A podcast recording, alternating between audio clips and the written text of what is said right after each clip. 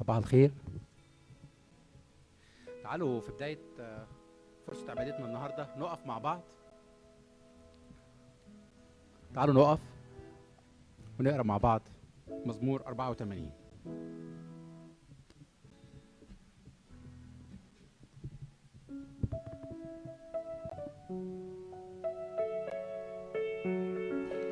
مزمور 84 يقول كده. ما أحلى مساكنك يا رب الجنود. تشتاق بل تتوق نفسي إلى ديار الرب. قلبي ولحمي يهتفان بالإله الحي. العصفور أيضا وجد بيتا والسنونة عشا لنفسها حيث تضع أفراخها. مذابحك يا رب الجنود؟ ملكي وإلهي طوبى للساكنين في بيتك. طوبى للساكنين في بيتك. ابدا يسبحونك. طوبى لأناس عزهم بك. طوبى لأناس عزهم بك. طرق بيتك في قلوبهم. عابرين في وادي البكاء. يصيرونه ينبوعا. أيضا ببركات يغطون مورة. يذهبون من قوة إلى قوة. يرون قدام الله. يرون قدام الله. في صهيون يا رب إله الجنود اسمع صلاتي. واصغى يا إله يعقوب.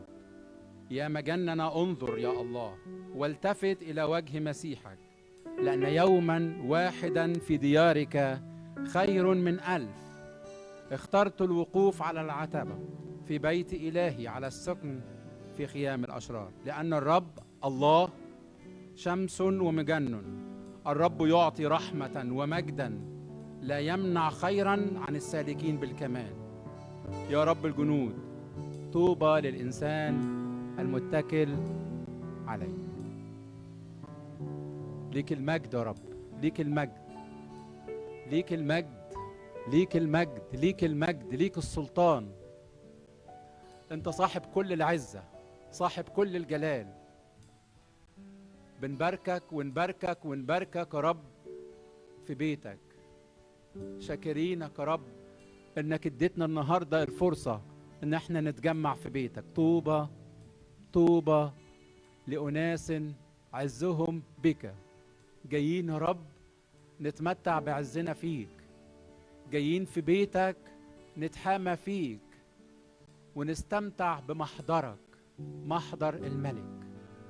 يا رب ليك كل الشكر وكل الحمد لأجل كل نفس دعوتها إنها تكون موجودة في محضرك النهارده. بنباركك ونعظمك يا رب. بنشكرك ونشكرك ونشكرك. وجايين ندخل يا رب لديارك ندخل لبيتك نتمتع بمحضرك. قلوبنا يا رب محتاجاك. نفوسنا محتاجاك. عقولنا محتاجاك. حياتنا محتاجاك. يا رب أسرنا محتاجاك وكنيستنا محتاجاك. اتنازل لينا النهاردة ببركة يا رب. تعالى يا رب متعنا بوجود مميز في محضرك. تعالى يا رب فتح عيون أذهاننا علشان نشوفك. وفتح عيوننا الطبيعية عشان نشوفك. يا رب العيون اللي انت خلقتها علمها إزاي تشوفك.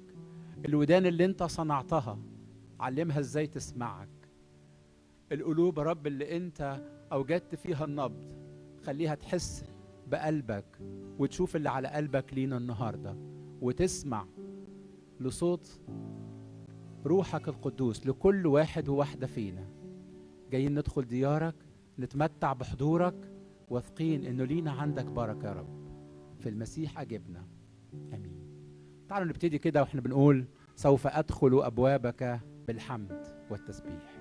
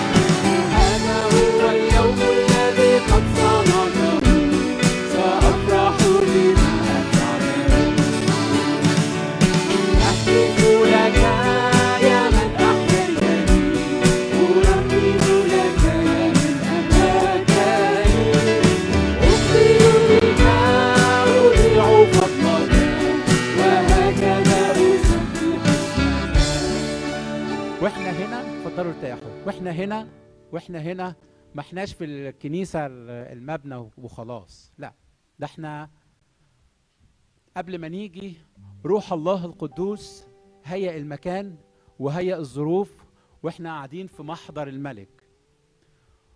وزي ما كنت بصلي وأقول كده يا رب العيون اللي انت خلقتها خليها تشوفك. الودان اللي انت صنعتها خليها تسمعك. القلوب اللي النبض فيها منك خليها تحس بيك. إحنا خلقته وإحنا شعبه وهو موجود. يسوع موجود في الوسط. ومحتاجين كشعب الكنيسة كشعب الله اللي متجمعين حواليه. نعلن حضوره. نعلن سلطانه في وسطينا. إحنا محتاجين نعلن لأن هو موجود. ولما يكون يسوع موجود يهرب الحزن ويهرب الألم ويهرب الوجع وإبليس بره بره ملوش مكان. إبليس بره ملوش مكان. لأنه في محضر يسوع يهرب الحزن والتنهد. والحزن والتنهد ما يجيبهمش يسوع لكن يجيبهم عدو كل خير يجيبهم الشرير. تعالوا نعلن حضور يسوع. ولو لسه مش حاسس بحضوره قول له خليني أحس بحضورك. أحس بحضورك.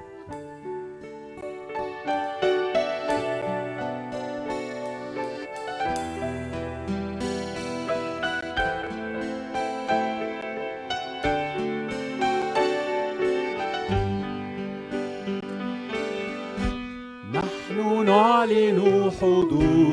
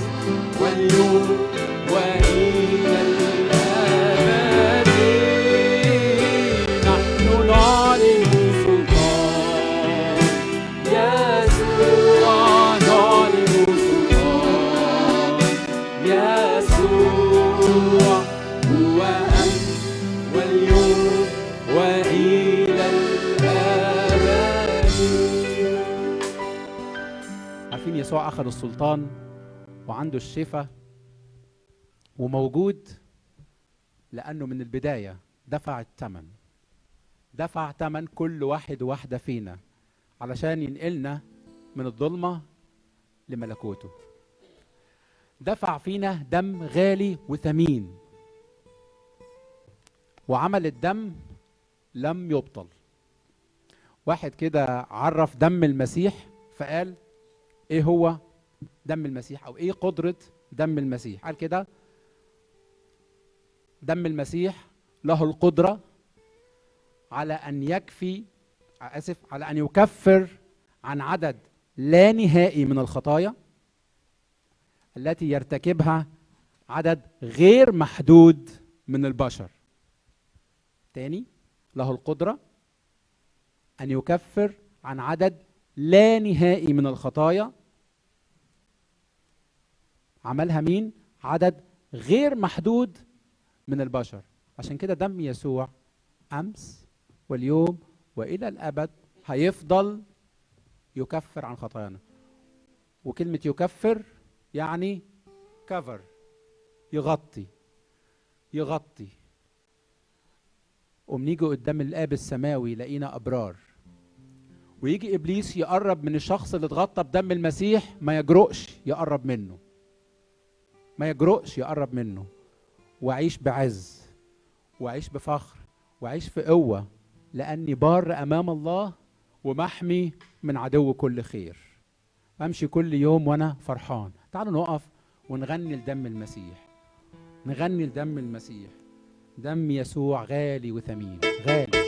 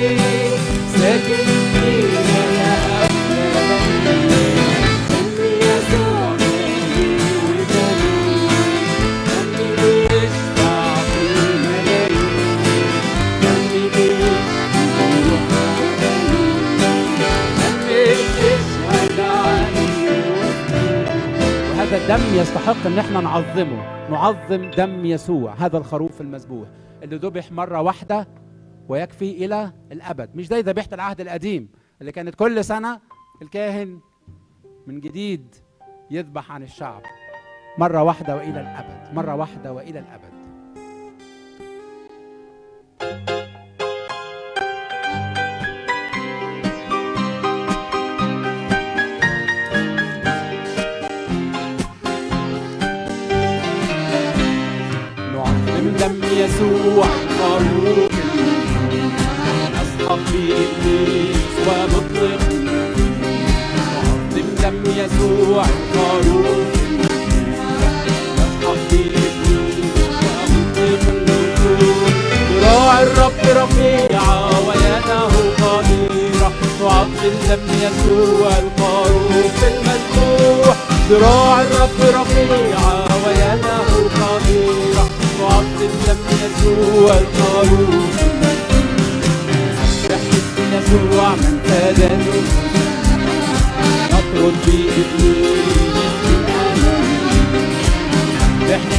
اسم يسوع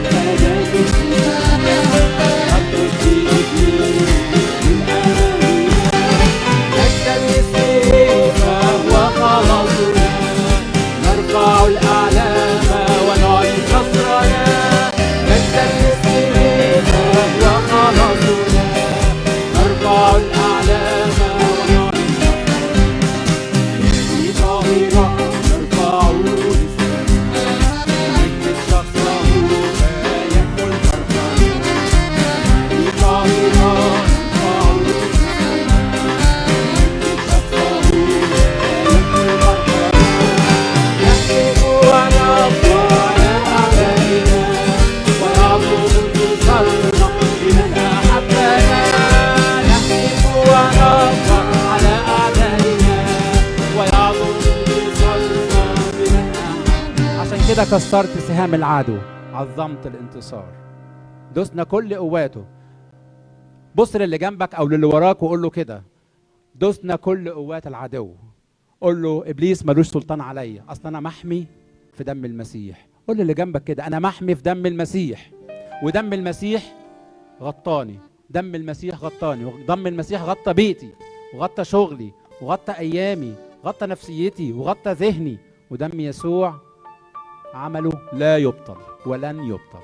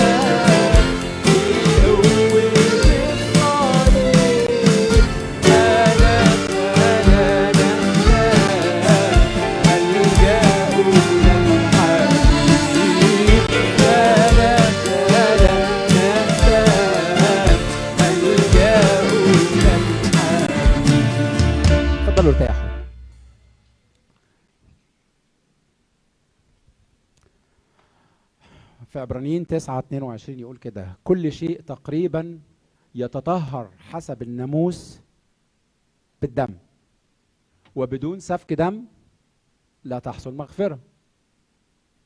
طيب ما إحنا عندنا هبة الله. أجرة الخطية هي موت. أما هبة الله فهي أبدية.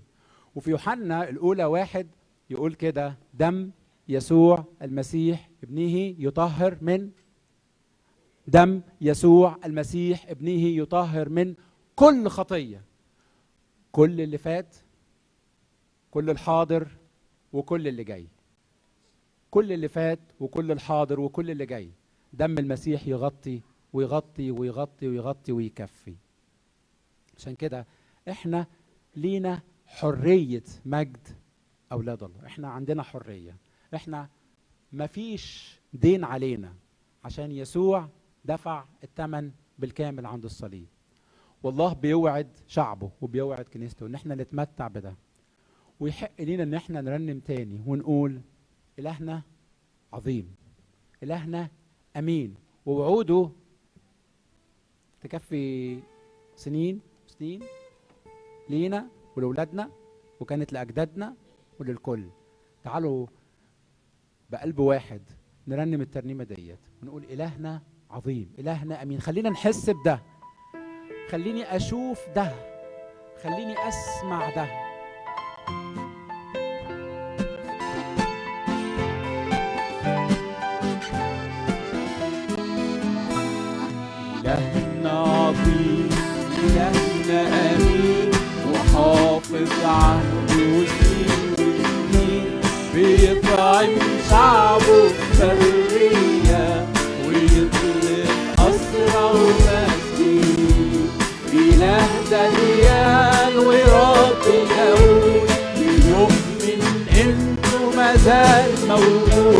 بينجي عبيده حسب وعده بكتب الله ويوفي الأصول.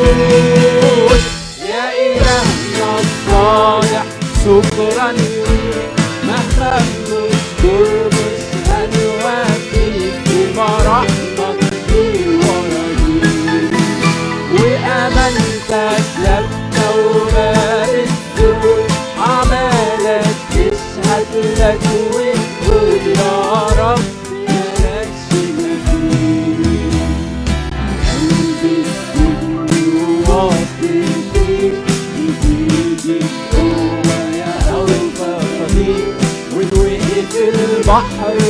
for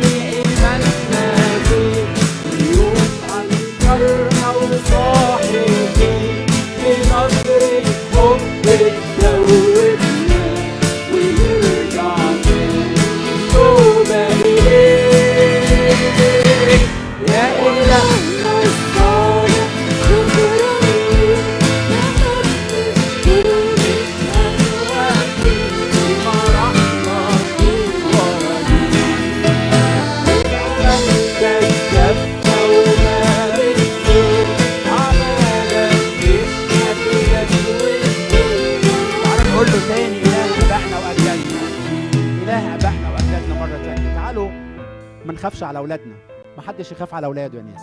ما حدش يخاف على أولاده. ما تخافوش على أولادكم. ما تخافش على أولادك. ما تخافيش على أولادك أصله أمانة الله ثابتة حتى لو إحنا مش أمنا أمانته ثابتة حتى لو إحنا مش أمنا عشان كده من إبراهيم فضل وإسحاق ويعقوب لحد النهارده هو أمين ويبقى أمينا. والحاجة اللي ما يقدرش يعملها ربنا عارفين هي إيه؟ ما يقدرش ينكر نفسه. يبقى امينا لا يقدر أن ينكر نفسه. تعالوا تاني نرنم العدد دوت. وإحنا واثقين وإحنا مصدقين لينا ولولادنا ولأولاد أولادنا وإلى أن يجيء يبقى أمين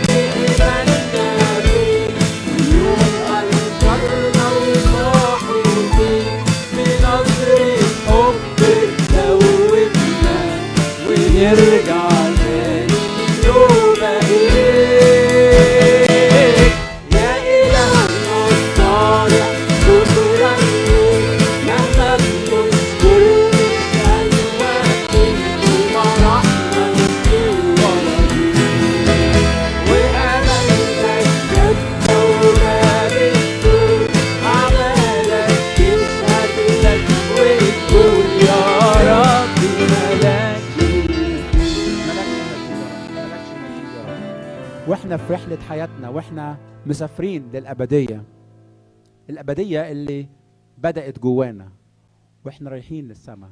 إحنا بنحارب كل يوم وبنتواجه كل يوم لكن الحقيقة محدش مننا مطلوب منه إنه ينتصر.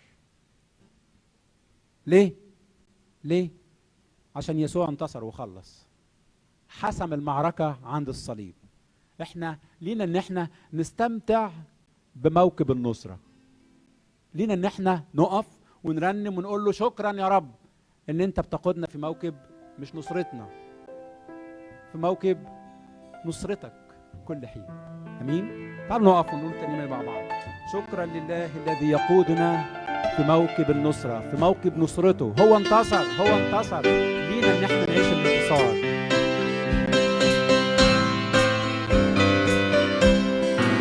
شكرا لله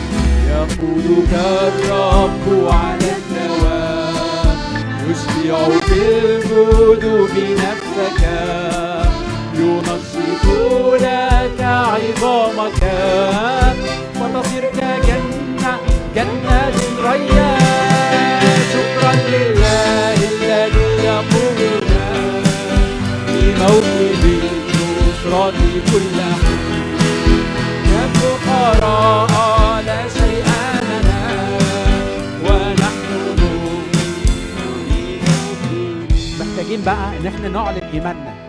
محتاجين نعلن إيماننا. عشان كده شعبك يعلن بيك إيمان. وإحنا مصدقين فيك. إحنا مصدقين فيك. إحنا مصدقين فيك. الانتصار أنت اللي عملته الثمن أنت اللي دفعته الضمانة هي فيك. الضمانة هي فيك. شعبك يعلن بيك إيمانه أنت راعينا كل ما لينا تغمرنا بجودك يا رب.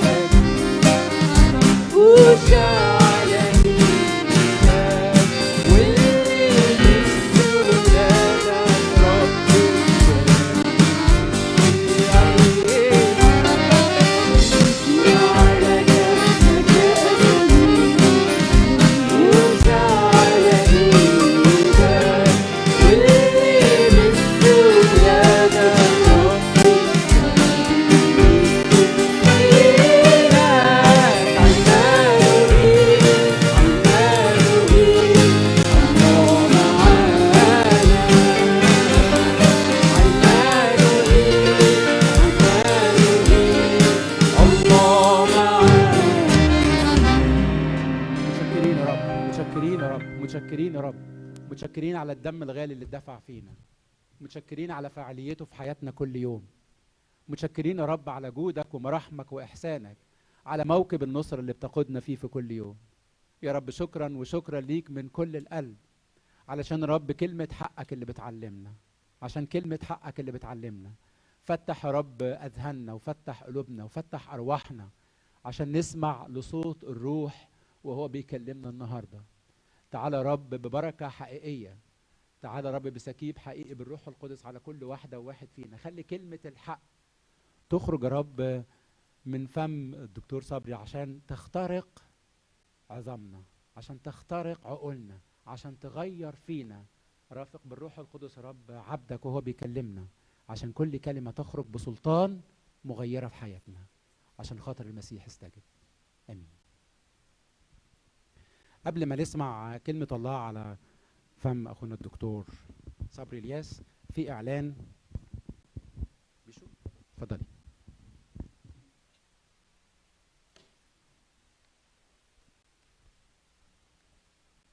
يا رب يشتغل المرة دي.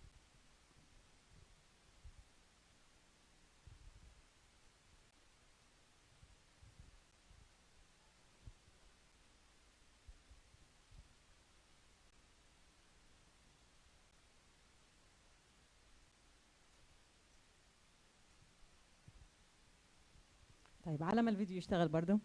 يا رب.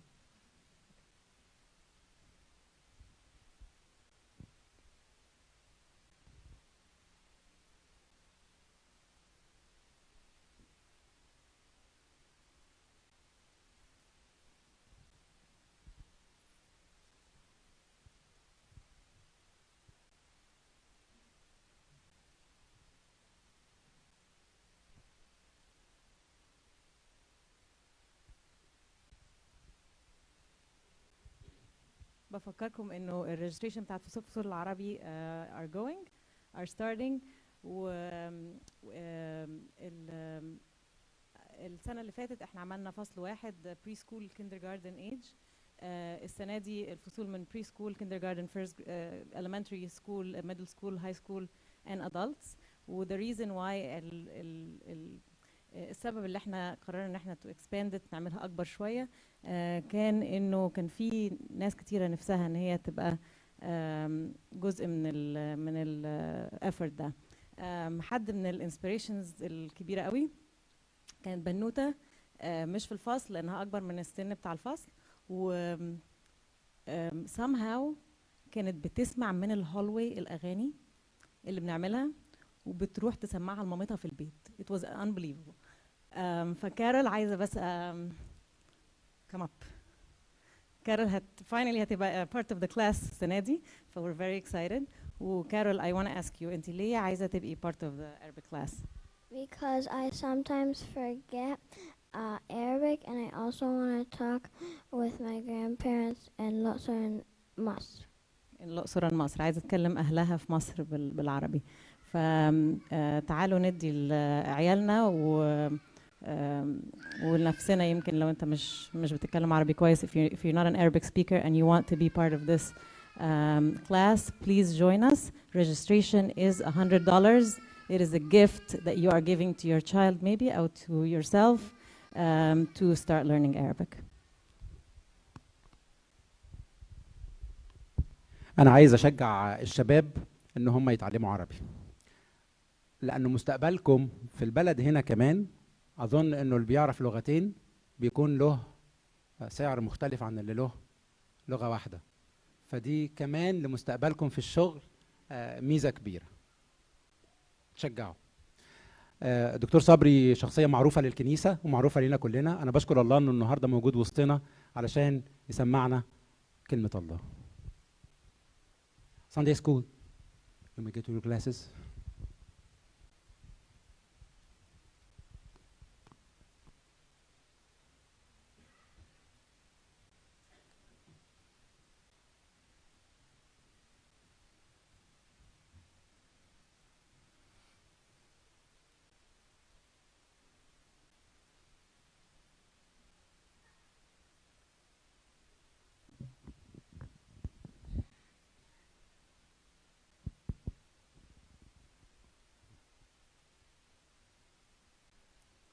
أشكر الله عشان وجودنا مع بعض.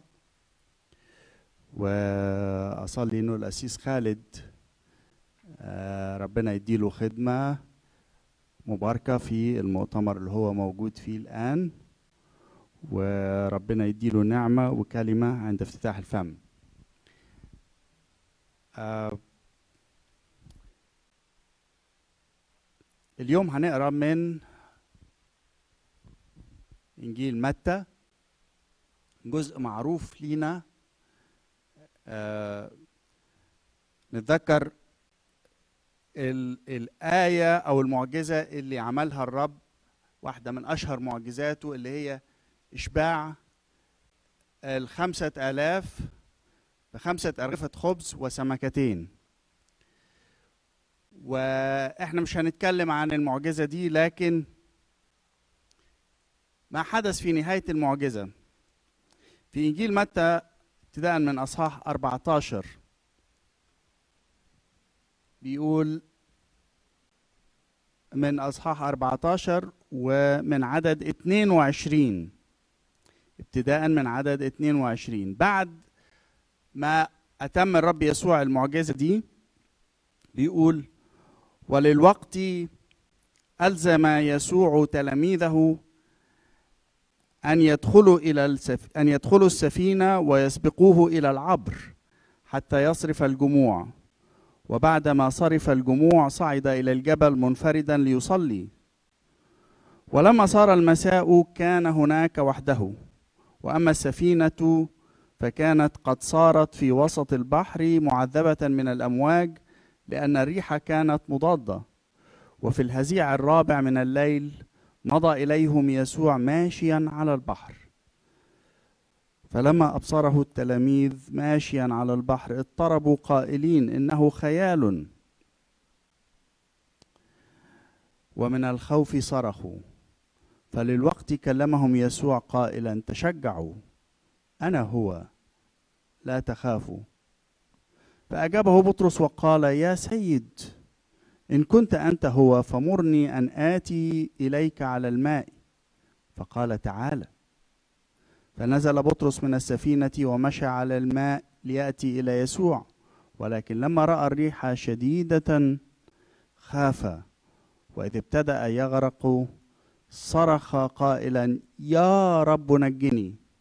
ففي الحال أمسك مد يسوع يده وأمسك به وقال له يا قليل الإيمان لماذا شككت؟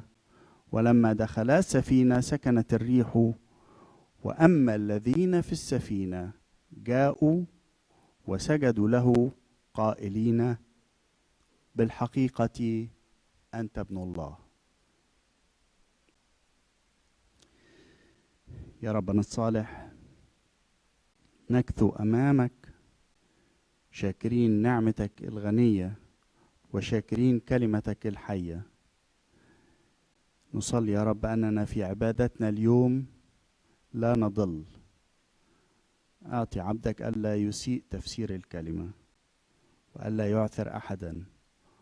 وأعطنا أن نتعلم أن الكلمة سراج لأرجلنا ونور لسبيلنا. لك كل الكرامة والمجد سيدنا آمين. يسوع والتلاميذ والتجربة. هل يسمح الله لتلاميذه بالتجربة؟ هل يجبرهم الله على دخول التجربة؟ خلينا نناقش الأسئلة دي في ضوء التجربة أو في ضوء القصة اللي قريناها هذه قصة من الواقع حدثت مع تلاميذ الرب. ولما قريتها من فترة وقفت عند شيء غريب جدا. في عدد 22 بيقول لنا من أصحاح 14 من إنجيل متى وللوقت ألزم يسوع تلاميذه أن يدخلوا السفينة ويسبقوه إلى العبر. وهو عارف إنه هيواجهوا عاصفة مهلكة وأمرهم وضغط عليهم بيقول ألزمهم أن يدخلوا السفينة ويسبقوه إلى العبر. حتى يصرف الجموع. واجب تلاميذ الرب إنهم يتولوا عملية صرف الجموع بسلام بعد نهاية يوم التعليم ال- الطويل. يسوع كان في يوم كامل في شرق بحيرة طبرية على الشاطئ الشرقي وتجمع الجموع لما عرفوا إنه هو هناك وأمضى اليوم بالكامل في تعليم الجموع. وفي المساء رأى أن الجموع بدأوا يخورون وجاعوا وعارفين القصة بتاعه ال- آه، إشباع الخمسة آلاف. وفي النهاية كان ال- السيناريو المتوقع إنه التلاميذ يتولوا صرف الجموع بنظام وبسلام.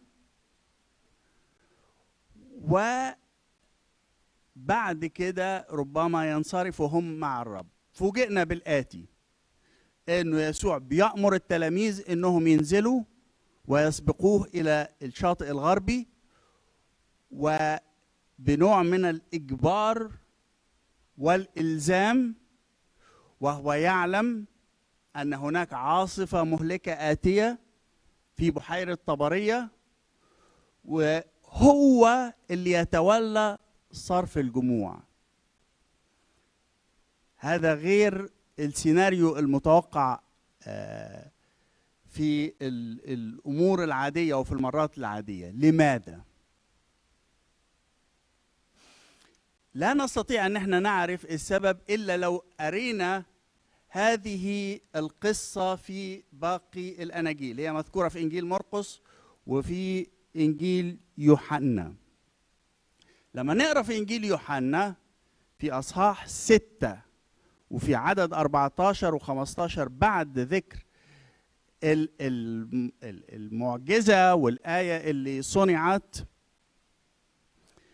بيقول فلما رأوا رأى الناس الآية التي صنعها يسوع قالوا أن هذا هو بالحقيقة النبي الآتي إلى العالم.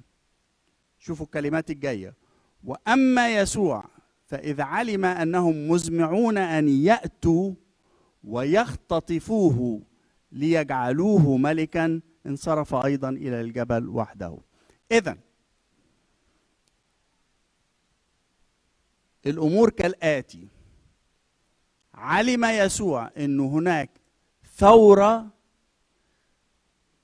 دموية ستحدث لأنهم الجموع. مزمعين إنهم يأتوا ويختطفوه ويجعلوه ملكا. معنى كده إنه في ثورة هتحدث والثورة دي ضد الحكم الروماني. وطبعا لما تحدث ثورة يبقى في مجلس قيادة الثورة. ومين مجلس قيادة الثورة غير ال 12 تلميذ اللي معاه؟ فكان لابد أن التلاميذ هيكونوا على رأس هذه الموجة. اذا هيحصل صدام دموي مع الرومان والضحية الأولى هيكون تلاميذه ثم الجموع. لكن الأكثر من كده إنه التلاميذ سيشتركون في مؤامرة شيطانية كونية لإبعاد مخلصنا عن الصليب. إن الأمر يتجه إلى إعلان يسوع ملكا ليبعد عن الصليب من الشيطان. فكانت هذه هي التجربة الكبرى اللي موجودة. وأراد يسوع أن يدخلهم في التجربة الصغرى عبر بحيرة طبرية لينقذهم من التجربة الكبرى.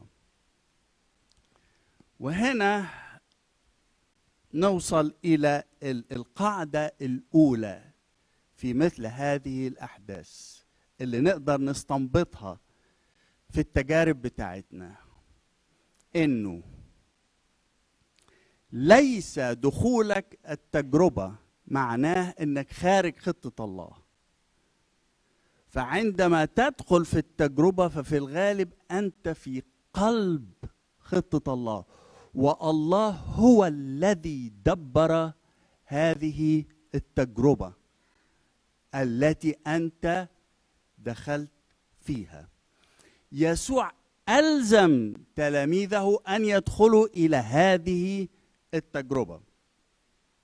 في ناس كتير دلوقتي بيقسموا التجارب. في حاجة يسموها امتحان وحاجة يسموها تجربة. إذا كان ظروف صعبة تحيط بالإنسان المسيحي يعتبروها دي امتحان. إذا كان حاجة آه، فيها خطية أو فيها شر بيسموها تجربة. ويقولوا دي الله مش مسؤول عنها.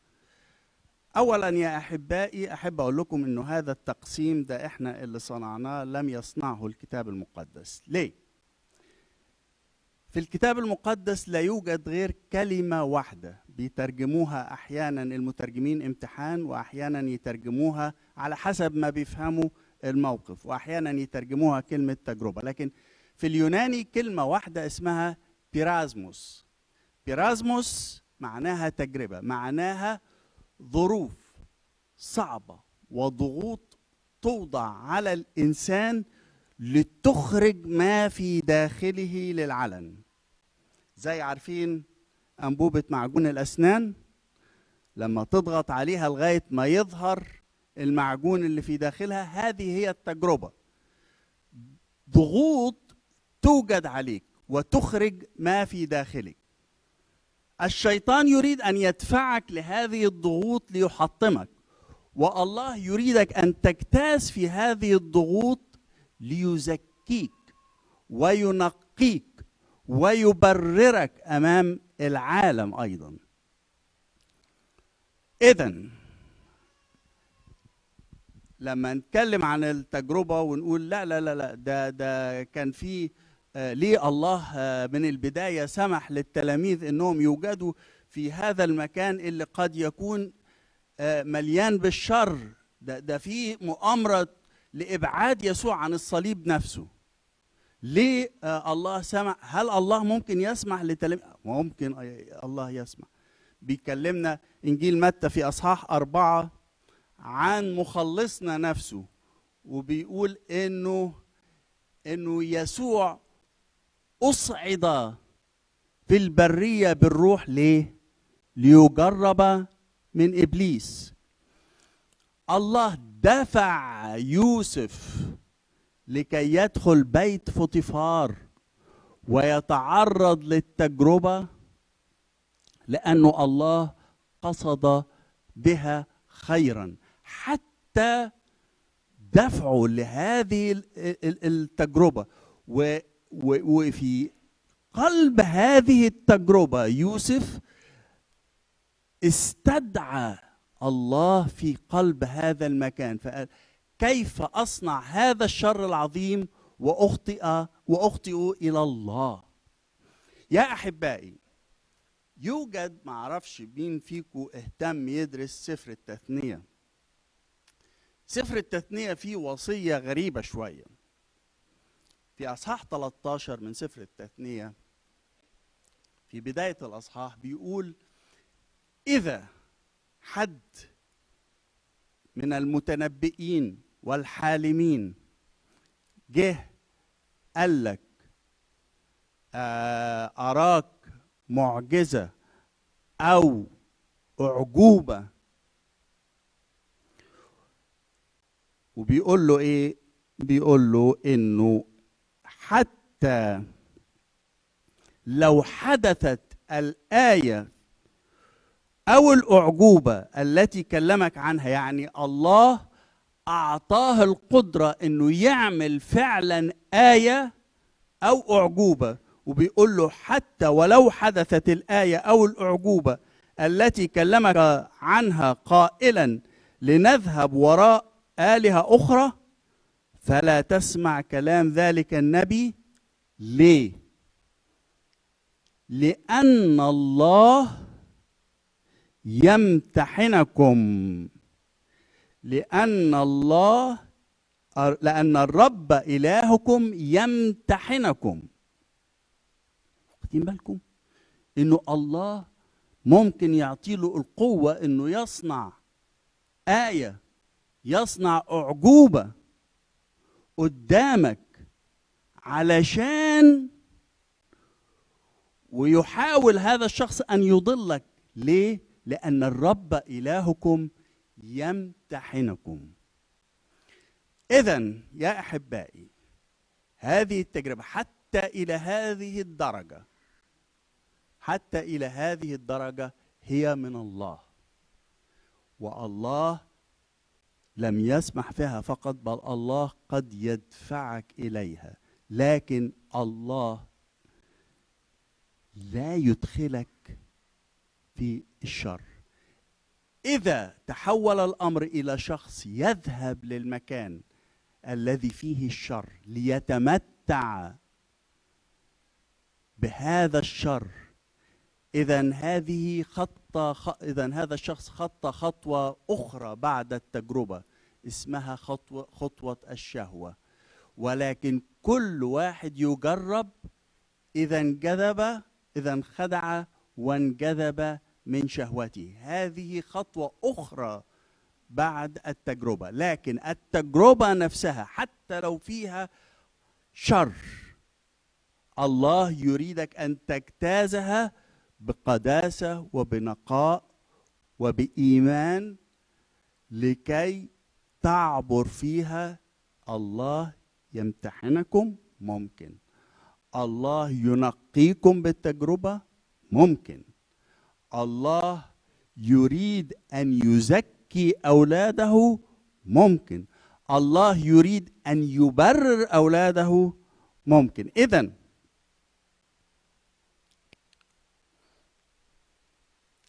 إذا اجتزت في التجربة أنت لست داخل لست خارج خطة الله بل أنت في قلب خطة الله. دي القاعدة الأولى اللي نقدر نوصل لها. القاعدة الثانية. في سؤال. ما هو أكثر شيء يجعل التجربة مريرة؟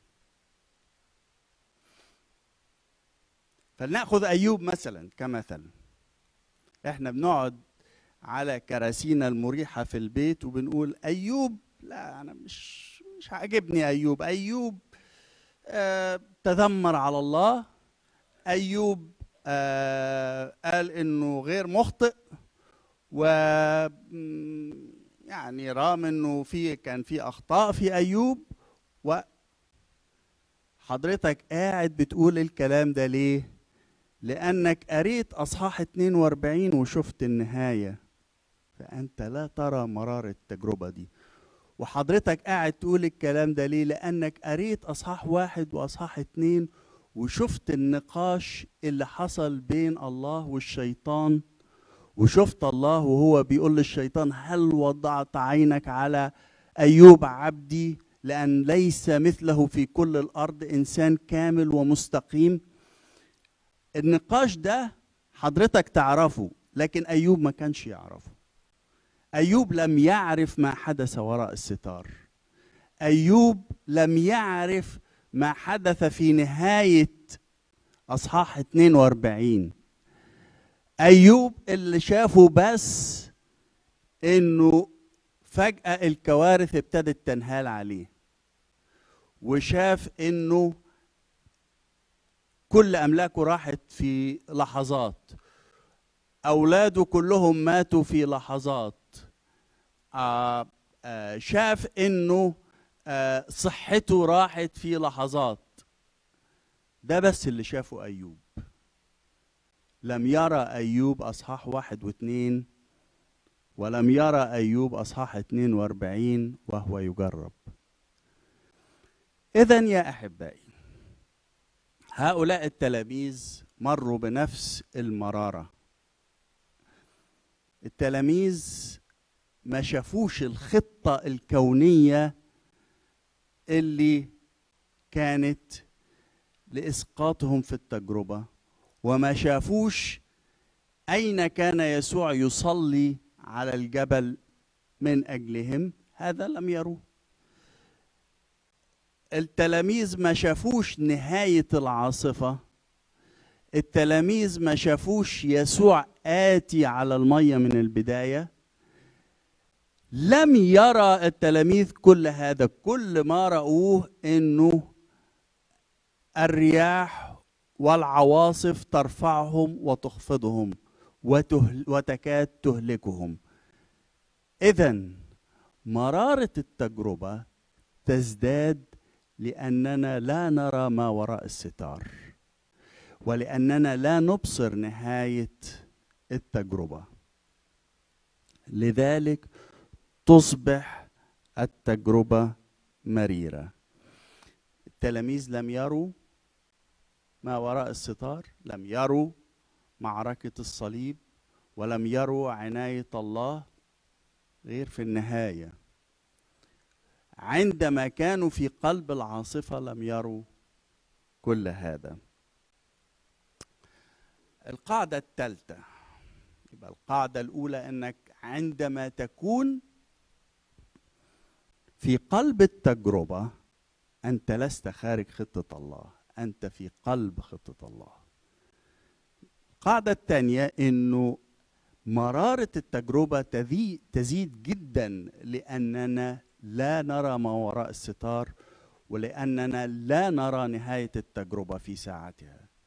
القاعدة الثالثة أنه التجربة هي فرصة كبيرة لتخرج مبررا ومزكى من قبل الله.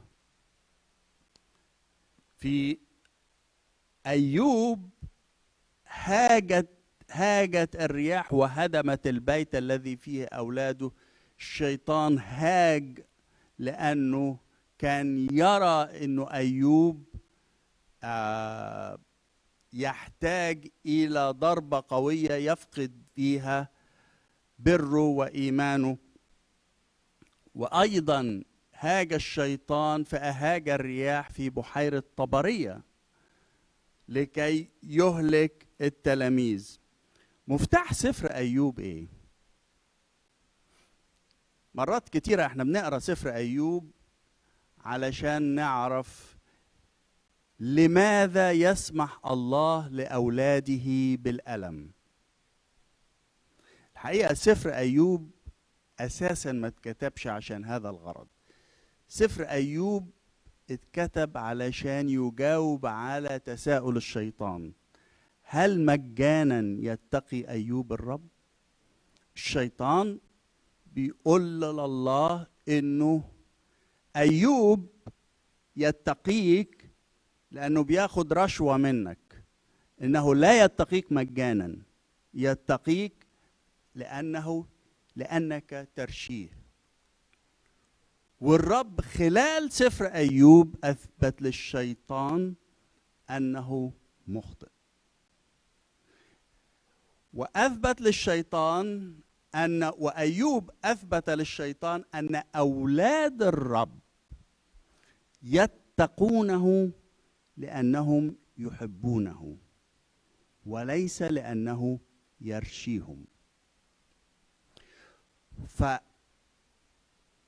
فعندما آه، آه، ننظر إلى نهاية سفر أيوب نعلم إنه أيوب تبرر أمام الشيطان تبرر أمام أصحابه تبرر أمام العالم لأنه ثبت أن أولاد الله يتقونه لأنهم يحبونه.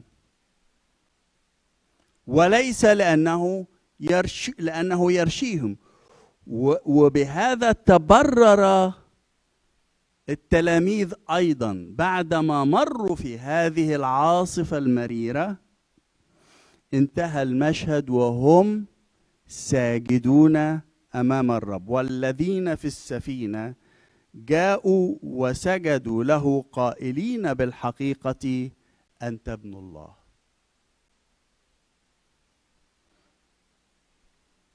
من سيشتكي على مختاري الله؟ الله هو الذي يبرر. ده الدخول في التجربة الخروج من التجربة في كلمات قليلة. أول حاجة لتخرج من التجربة نمرة واحد أدخل يسوع إلى قلب التجربة. بيقول لنا هنا في آه، في إنجيل مرقس يعني الرواية زي ما بيحكيها البشير مرقس أصحاح ستة وعدد 48 بيقول أتاهم أي الرب ماشيا على الماء وأراد أن يتجاوزهم. ونفتكر في إنجيل لوقا إصحاح 24 نفتكر تلميذي عمواس مشي معاهم الراجل ال- ال- الغريب ده وبعدين لما وصل إلى لما وصلوا إلى البيت اللي هيدخلوا فيه بيقول وتظاهر أنه منطلق بعيدا. ليه؟ لأنه يريد منك أن تلزمه بالدخول. يريد منا أن نجذبه وأن نقول له لا نستطيع أن نترك أن نتركك ونحن في هذا الوضع. ألزم الرب في الدخول إليك أو الدخول معك في التجربة من بدايتها. في العاده في العادة نحن نكون في بداية التجربة بنعمل حاجة مشغولين بحاجة من اتنين. إما غاضبين. إحنا عارفين إنه ال ال ال الأمور أو الأخبار أو الأشياء الصعبة اللي بنمر بيها بنمر بعدة مراحل. في الدينايل الإنكار وفي الغضب وفي ال الاكتئاب. آه، يعني دي أمور. في العادة نحن في مرحلة الغضب بنكون مشغولين جدا عن يسوع. مش عمرنا ما بنفكر في يسوع. أو الحاجة التانية اللي بنعملها إن إحنا نكون مشغولين بالبحث عن حل. وفي الحالتين يسوع بيكون جاي ماشي على المية ويمكن ما ناخدش بالنا منه. أدخل يسوع في التجربة. إلجأ مبكرا إلى الرب في التجربة. لا أحد يطلب منك إنك تمتنع عن البحث عن حلول ولا أحد يطلب منك إنك آه، لا تتألم. لكن تعلم إنك تفرغ هذا الغضب عنده وتعلم أن تطلب منه أن يكون شريكا في التجربة. يعرف التجربة من يكتوي بها. في رسالة العبرانيين بيقول إيه؟ من ثم كان ينبغي أن يشبه إخوته في كل شيء لكي يكون إيه؟ رحيما. رئيس كهنة رحيما ورئيس كهنة أمينا فيما لله فهو رحيم على إخوته. رئيس الكهنة هذا رحيم على إخوته وأمين فيما لله دول الصفتين اللي أرادهم الله في ابنه كرئيس كهنة. فهو رحيم على إخوته لأنه اجتاز في التجربة قبلهم. فادخل يسوع مبكرا للتجربة. نمرة اتنين افتح قلبك للفهم. لما تحصل عجائب أو آه، من الله في حياتنا آه، وما نشوفش الله من خلالها أحيانا يلجأ كده إلى ضغطة كده شوية علينا عشان نفتح شوية. الجماعة دول شافوا يسوع يشبع الجموع بخمسة أرغفة خبز وسمكتين. لكن آه، شوفوا بعد كده إنجيل مرقس بي- بيقول عنهم إيه؟ لأنهم لم يفهموا بالأرغفة لأن قلوبهم كانت غليظة. فلما حضرتك ما تفهمش بالأرغفة يمكن تحتاج شوية هزة كده في العاصفة علشان تفهم شوية. أرجو أنه أن نفتح قلوبنا للفهم لأنه مش محتاجين إنه العاصفة تأتي. قبل ما تأتي العاصفة افهم عن طريق الأرغفة وده أفضل ليك. على فكرة ال ال الأمر ده تكرر تاني. لو تفتكروا في آخر أصحاح في إنجيل يوحنا يسوع قال لهم أنا هحصلكم في الجليل. وبعدين اتأخر عليهم شوية. وقاعدين مش عارفين قلقانين. فبطرس قال إيه؟ أنا أذهب لأصطاد. ستة تانيين قالوا له وإحنا نيجي معاك. طلعوا. وعارفين فشلوا في الصيد وشافوا شخص على الشاطئ وقال لهم ألقوا شباككم. آه ويبدو إنهم قالوا يمكن شاف سرب كده بيلمع في الناحية اليمين ولا حاجة. وألقوا الشباك واصطادت 153 من السمك الكبير. ومعرفش بناخد بالنا إنه آه آه لما صعدوا لقوا الرب حاطط لهم السمك على الجمر. الحاجة الغريبة إنه إنجيل يوحنا بس هو اللي استعمل الكلمة دي. في كلمة يوناني كلمة أوبساريون. الكلمة دي تعني السمك الصغير إحنا في مصر بنسميه بساريا السمك الصغير هو ده السمك اللي جابه لهم الرب غير الكلمة اللي استعملت للسمك اللي هم اصطادوه. وهذه الكلمة لم تستعمل إلا مرتين اتنين بس في الكتاب المقدس في إنجيل يوحنا. مرة في يوحنا ستة في قصة إشباع الخمسة أرغفة خبز وسمكتين أوبساريون والمرة الثانية في يوحنا واحد وعشرين اللي هي هو أطعمهم أيضا بالأوبساريون ده وكأنه يذكركم. يعني أنتم خايفين إنه محدش هيوكلكم ولا هيوكل عائلاتكم. نسيتم البسارية السمك الصغير اللي أنا أطعمتكم به مع الخمسة أرغ... مع الخمسة آلاف. هذا هو السمك أهو. هو موجود ممكن يكون موجود في أي وقت. لنفتح أذهاننا ونفتح قلوبنا للفهم. آخر حاجة عايز أقول لكم خليك من الصفوة.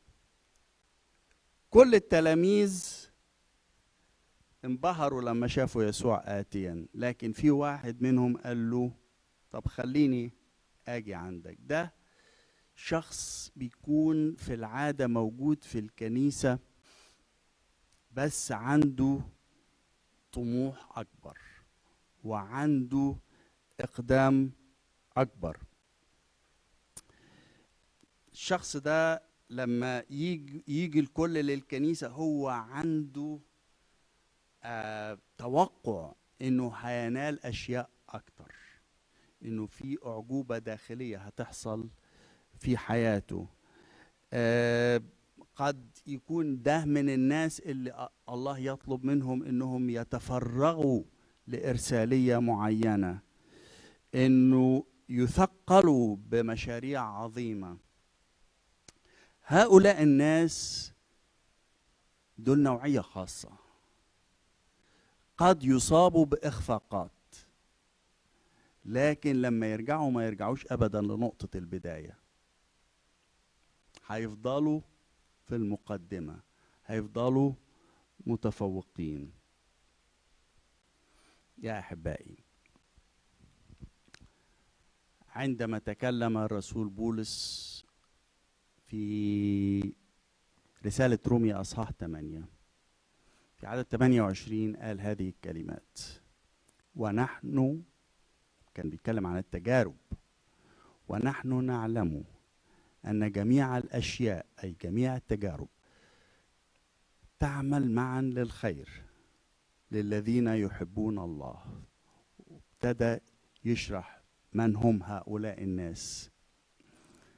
وختم هذا الجزء بهذه الكلمات. لتكونوا مشابهين لصورة ابنه. هذه التجارب هي بلاستيك سيرجري عملية تجميل لكي تحولك إلى شخص مشابه لصورة ابنه. بس هي بتتعمل بدون تخدير معلش. فبتكون مؤلمة وأنت تتألم وأنت لا تريد أن تحدث لك. لكن النتيجة النهائية لكي تكونوا مشابهين صورة ابنه. أيها الأحباء لما هل يسمح الله لتلاميذه لت- بالتجربة؟ نعم بل هو قد يدفعهم للتجربة لكن ناخد بالنا كويس إنه دخولك تجربة لا يعني إنه الله تخلى عنك إنك خارج خطة الله دخولك للتجربة يكون وأنت في قلب خطة الله. دخولك للتجربة قد يكون مرير لأنك لا تعرف نهايتها لا ترى نهايتها لا ترى ما وراء الستار لكن في حاجة بعد كده هتحصل. في خروج من التجربة. في الله سيستخدم هذه التجربة للتبرير وللتزكية. وعندما تريد أن تخرج من التجربة تذكر أن تدخل يسوع مبكرا للتجربة. أن تفتح قلبك للفهم ويا ريت تكون من الصفوة. خلينا نحني رؤوسنا في الصلاة.